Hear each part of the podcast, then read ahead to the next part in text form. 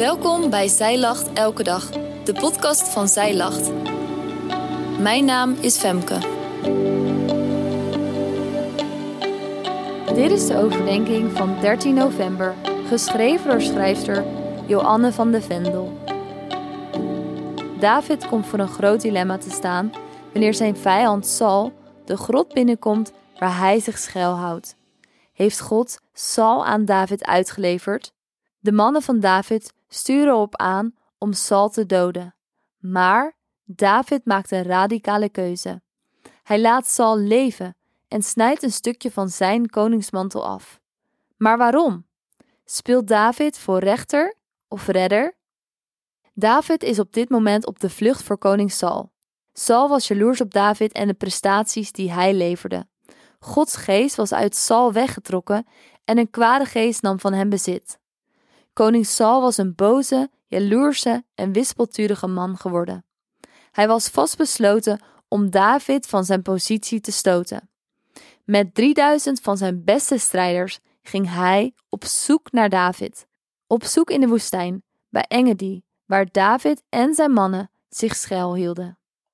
De mannen met wie David was, stuurden hem aan op vergelding, want op dit moment was Saul in dezelfde grot als de mannen van David. God moest Saul aan David hebben uitgeleverd. Toch? Wat zou jij gedaan hebben wanneer je in Davids sandalen had gestaan?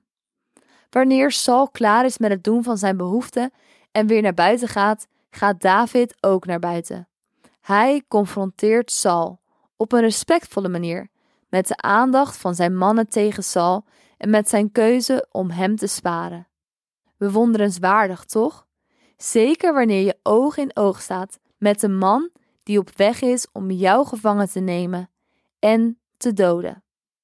In 1 Samuel 24 vers 12 staat: Zie, deze dag hebben uw ogen gezien dat de Heere u vandaag in mijn hand gegeven heeft in de grot.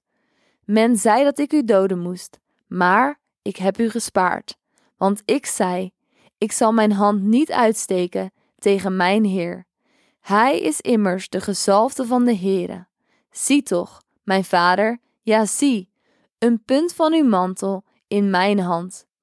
Toen ik namelijk de punt van uw mantel afsneed, heb ik u niet gedood. Erken en zie dat er in mijn hand geen kwaad of overtreding is, en dat ik tegen u niet gezondigd heb. Toch jaagt u op mijn leven om dat weg te nemen. David vertrouwt op God. Hij weigert om zelf het recht in handen te nemen. Dit liet hij eerder al zien in optreden bij de reus Goliath en nu wijst hij ook Saul op de Here. De Heere zal recht spreken, zegt David, tussen mij en u. De Heere zal zich vanwege mij op u wreken, maar mijn hand zal niet tegen u zijn. Hiermee spreekt David vanuit de overtuiging dat de Heere recht zal spreken en brengen over Saul.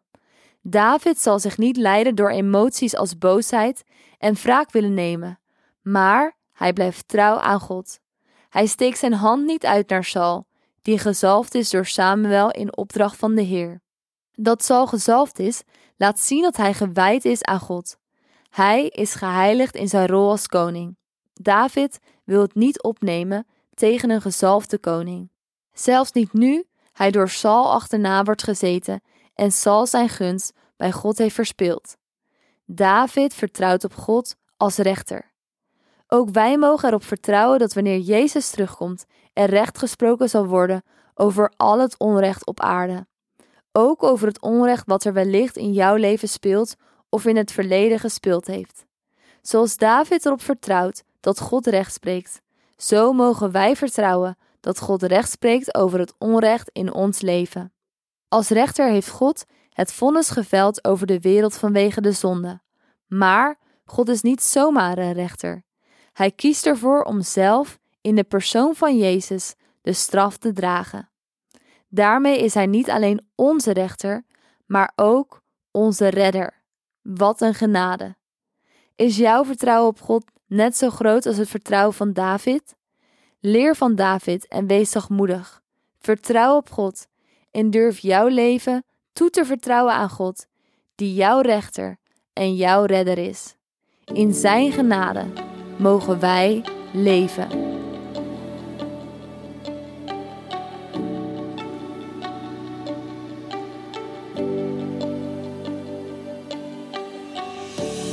Dankjewel dat jij hebt geluisterd naar de overdenking van vandaag. Wil je de overdenking nalezen? Check dan onze website.